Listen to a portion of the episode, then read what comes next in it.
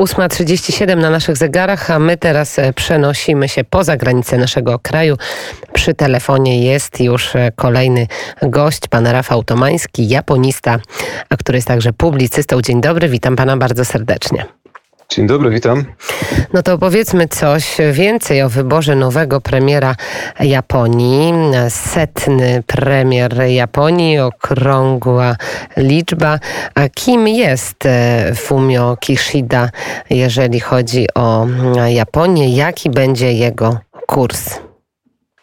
Od wczoraj już oficjalnie jest nowym premierem, bo został e, mianowany szefem partii w poprzednią środę 29 września. No a ten człowiek, który rządzi rządzącą partią jest w Japonii automatycznie premierem. E, poprzedni nie stanął do walki o szefostwo, czyli Yoshihide Suga, który był premierem numer 99 się wycofał. Fumio Kishida walczył, miał troje konkurentów, jednego pana i dwie panie, pokonał pozostałych.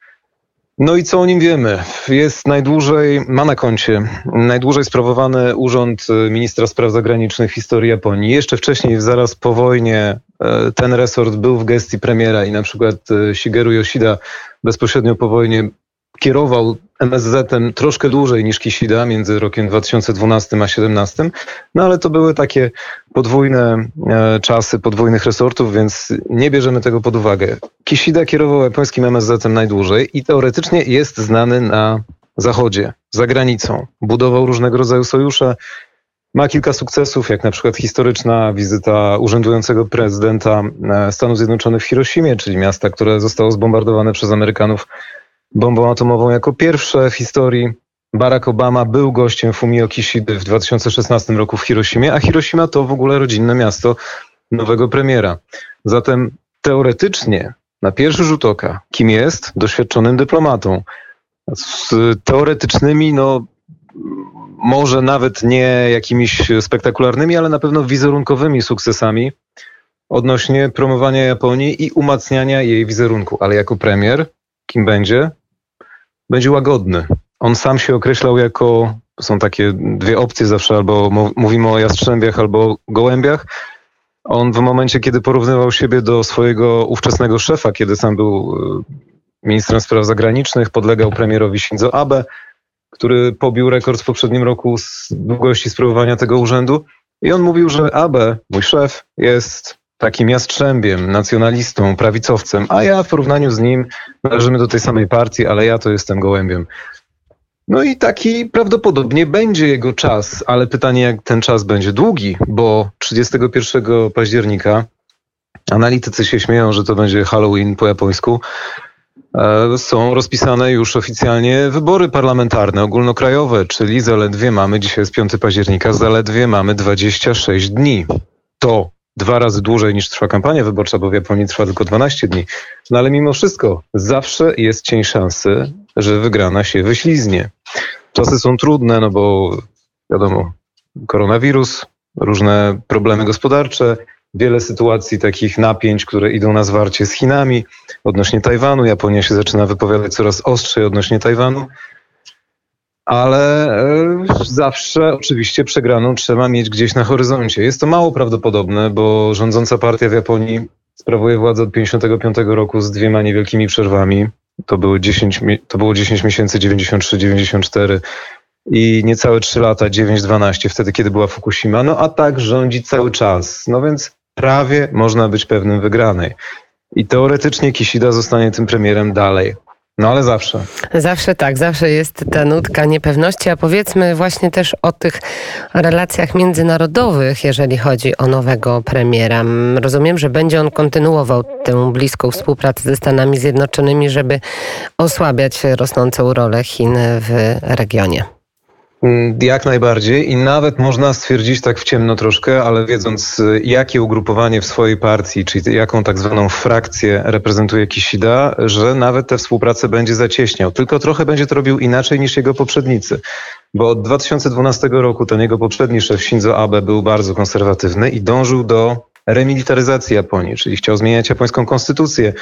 To wynikało z jego tradycji nie tylko politycznych, ale i rodzinnych. Natomiast e, Kishida należy do takiego troszkę przeciwnego obozu, może nie do końca przeciwnego o 180 stopni odmiennego, od e, tamtych prawicowych konserwatystów, ale jego frakcja jest liberalna i jego współpraca ze Stanami Zjednoczonymi to jest takie też nie do końca, ale trochę przedłużenie tego e, stanowiska poprzedniego powojennego premiera, o którym wspomniałem na początku, Shigeru Yoshidy. To nie jest do końca ta sama frakcja, ale mimo wszystko bardziej chodzi o utrzymywanie takiego statusu powojennego, czyli Amerykanie dają gwarancję militarną i oni mają na sobie ciężar obrony Japonii, a Japonia ma się rozwijać i to gospodarczo. I tutaj na polu gospodarczym te postępy są podstawową różnicą frakcji obecnego premiera, bo jego część partii rządzącej dąży do rozwoju gospodarczego. Stąd też sam Kishida zapowiada expose, teoretycznie ma być spodziewane w piątek, raczej tak będzie,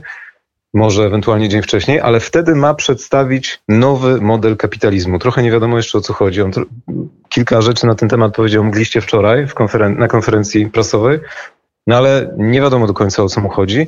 Japończykom ma być lepiej, a lepiej ma być przez to, jeżeli bezpieczeństwo międzynarodowe, regionalne dookoła nich się trochę zagęszcza, że ta kwestia obrony będzie teoretycznie outsourcowana, jakbyśmy teraz powiedzieli, czyli cedowana na kogoś innego. Natomiast jeżeli patrzeć na skład nowego rządu, to jedynie dwóch ministrów zostało bez zmian. Całą resztę albo zamieniono miejscami, resortami, albo wprowadzono nowych. Tych drugich przypadków jest więcej. No i jeżeli pani pyta, co z polityką zagraniczną, no to teoretycznie można się spodziewać mini ciągłości, ponieważ resort MSZ-u, jak i resort obrony zostały jako jedyne dwa bez zmian. A jeżeli już na koniec ostatnie pytanie, jeżeli chodzi o te sprawy związane z e, denuklearyzacją Dalekiego Wschodu, bo wiemy, że to też gdzieś w planach Kishidy jest, to będzie jakiś mocny akcent w jego polityce, uważa pan? Powinien być, ponieważ właśnie dlatego wspomniałem na początku, że on sam jako mieszkaniec Hiroshimy, tego miasta z historią właśnie antynuklearną, teoretycznie jest spadkobiercą tych wszystkich, którzy przeżyli i jeszcze chcą nieść pamięć o tym, czego nie powinno się robić, czyli używać broni atomowej. Natomiast e, już widać było wczoraj na pierwszej konferencji prasowej, że Kishida, mimo że jest bardzo doświadczonym dyplomatą, denerwował się. I troszkę mu i głos się łamał, i ręce drżały. No, to nie jest młody polityk, on ma 64 lata. Zaczynał politykę w tym samym roku, pierwszą kadencję miał w 93, jak Shinzo Abe, wspominany rekordzista. To są ludzie, którzy wiedzą, co robią, ale mimo wszystko to zdarzenie z japońską polityką i wyzwaniami, i także właśnie lobby chcącym powrotu do energii atomowej, a także e, nawet ostatnie głosy, które widząc wzrost potęgi Chin i, i tych ambicji terytorialnych chcą uzbrajać Japonię we własną lepszą broń, a także i w dalszym horyzoncie nuklearną, no, robią na premierze wrażenie, no bo to już bezpośrednio od jego decyzji zależy bardzo wiele kierunków rozwoju sytuacji. E, Kishida gwarantuje sobą brak takich chęci teoretycznie, ale nie jest sam w rządzie. I sam, już tak jak kiedyś, polityką zagraniczną nie będzie kierował. Więc z tego może wyjść taki kompromis, który nie do końca będzie prawdopodobnie tym, czego chciałby sam Kishida. I chyba jednak trochę będzie więcej zbrojeń niż można się spodziewać. Czekamy w takim razie teraz na, na wybory w Japonii. Bardzo dziękuję. Rafał Tomański, japonista, który dziękuję. także jest publicystą i patrzy w tamtą stronę. Dziękuję za rozmowę. Dziękuję.